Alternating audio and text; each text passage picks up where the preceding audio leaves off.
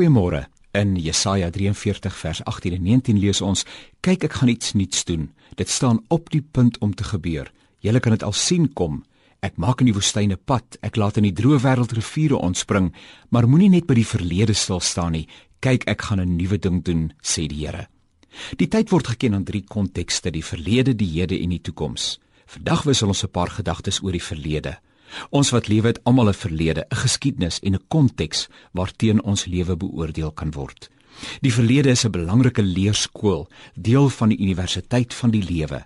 Ja, die kursus van die lewe is by verre nie die maklikste kurrikulum wat 'n mens kan aandurf nie. Boonop is alle mense daarbey ingeskryf. Of jy slaag of jy herhaal die jaar by wyse van spreuke, maar deurkom sal jy een of ander tyd tensy jy heeltemal wil agterbly en wie wil nou of wat sê ek alles? Die verlede is soos mense dikwels sê, water onder deur die brug. Aan die verlede kan 'n mens nie verander nie. Die beste wat 'n mens kan doen is om die goeie daaruit te neem en daarop voort te bou.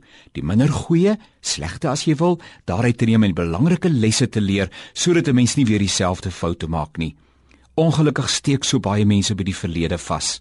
Hulle idealiseer die verlede of hulle demoniseer die verlede.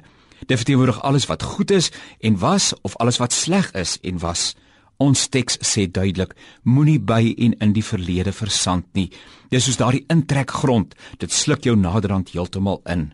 Die geskiedenis, verlede, is besonder relevant vir die situasie waarin ons onsself in Suid-Afrika bevind. Daar is baie mense wat die verlede idealiseer. Toe goed nog bekostigbaar was, toe die lewe nog ongekompliseerd was, toe die regte mense in beheer was, toe daar nog genoeg werk was, dienslewering voortreffelik was, toe mense nog geglo het, eredienste besoek het ensovoorts. Uiteraard is die Here teleurstellend vir sulke mense en soek hulle gewoonlik 'n sonnebok wat verantwoordelikheid moet aanvaar vir die gebrekkige hede maar reg gesien het ons almal op een of ander wyse deel daaraan. Of daar is eweneen mense wat die verlede demoniseer en verdag maak. Uit die verlede kom al die gestaltes van swaar kry en hartseer. Dis die teelaarde van sekularisasie, rasisme, klassisme, armoede, verontregting ensovoorts. Hulle is eweneens op soek na 'n sonnebok.